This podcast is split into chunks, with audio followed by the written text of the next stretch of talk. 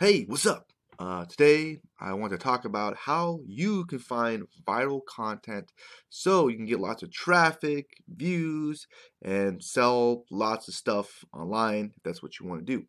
Now, if you are interested in making some money on the side using the internet, digital marketing, um, then if there, if you look below, there's a link, and there's actually what I believe the uh, well, education on how to learn the most important skill, I believe, when it comes to marketing something online. Okay.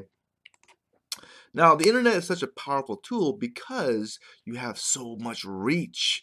Yeah, you can reach lots of people for very little cost online.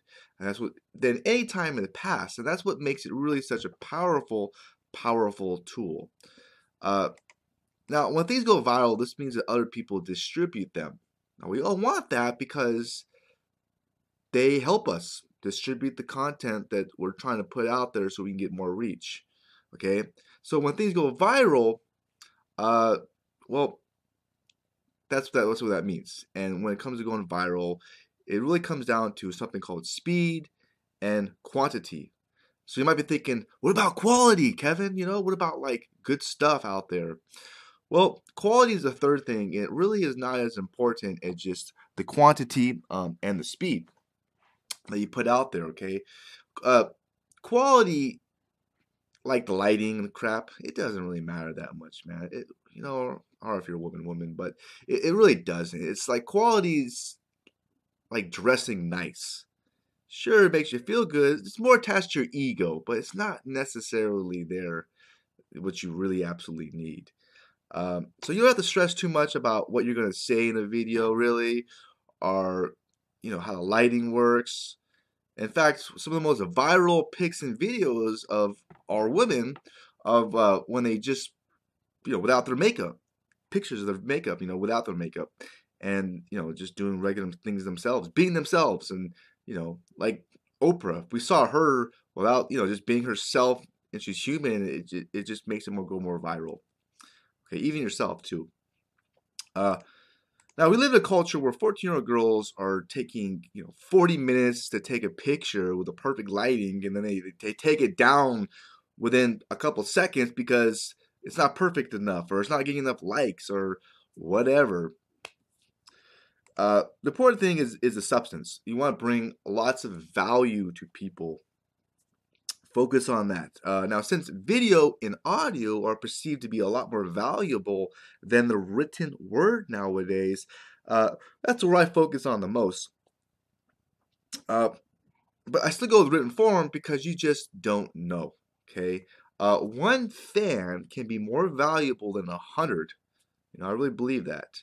Um, Plus, it's good to use different platforms because if something happens on one platform, it doesn't destroy your reach.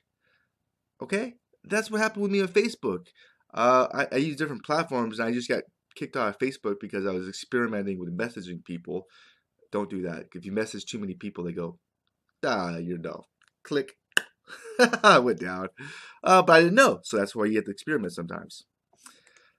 So content creates opportunity, and if you can't produce it at the rate and the quantity that your audience wants, then your your business is not gonna make it. You know, it's like Twitter.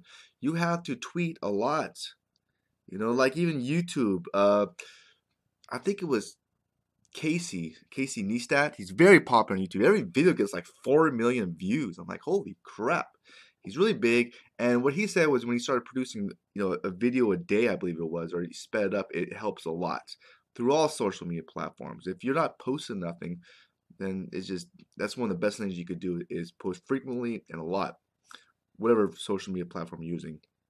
So you want to go fast, you want to experiment, uh, see what you can accomplish in as little time as possible. Uh, even if you don't like the results or the engagement uh, goes down a little bit, just experiment. You might be surprised at how much your audience still likes your content, um, you know, what you produce. But the, the, the important thing is speed is way, way more important than getting everything perfect, okay? All right. So lots of content is a gateway drug to sales, subscribers, and all that kind of stuff. You want to put lots of content. Uh, you have to hustle put out lots of quality content. Uh, another idea is Facebook, uh, which I can't experiment now because, but this I'm gonna do this coming up soon. My account my account was canceled. But one idea is to post videos on both Facebook and YouTube. Okay. Uh, now, one thing that you don't want to do, which I know, is you don't want to upload a URL from YouTube directly into your, your Facebook feed. The reason why is because Facebook hates Google. Google owns YouTube. So if you if you do that, nobody sees that shit. EdgeRank will just drop. So that's why you don't want to do that. Uh, what you want to do is if you're going to distribute a video on Facebook in your feed, is you want to upload the video directly to Facebook.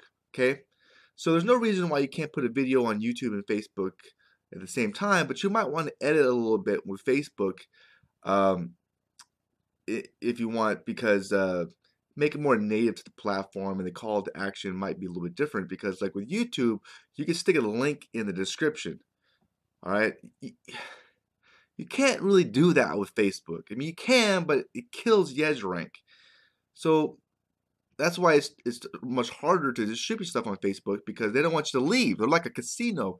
They're like, leave, no, stay on Facebook so they can sell you advertising and shit.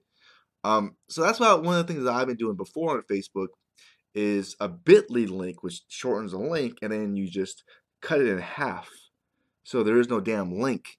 But they, there is a link. You get what I'm saying? People can see that there there is a link if they just put the two pieces together. I just I'm not even right. Look, just remove the space, and there's a fucking link there. But there is no link, so it doesn't kill the edge rank. So that's something that I was doing in the past, and I think it did work. It worked pretty good. So there is some ideas. Uh, the second idea um, that make things go viral, that's what's good about Facebook too, uh, is well, just copy other people's shit. it sounds kind of weird, but I was looking at other viral what what what posts were very viral on Facebook, and I just took a similar concept and distributed them, and it helped a lot too. And I got a lot of engagement, so that's another idea. Uh, what do you think? Am I wrong? How do you find viral content? How do you do it? Let me know in the comments. Uh, thanks a lot for watching. If you liked the video, please hit the thumbs up button. Um, I hope it brought some value to you. Uh, you can also distribute it. Uh, another thing too, if you're interested in earning some money online, the most valuable skill you can learn is so important. I wish I would learn this a long, long time ago. I, I wouldn't have wasted so much time. So please do yourself a favor um, and uh, uh, do me a favor, well do yourself a favor just click that link below if you're interested in making money online because you'll learn the most valuable skill which you need to have you absolutely need it if you're going to make it in the digital jungle okay anyways uh, i wish you the best and have a very wonderful rest of your day bye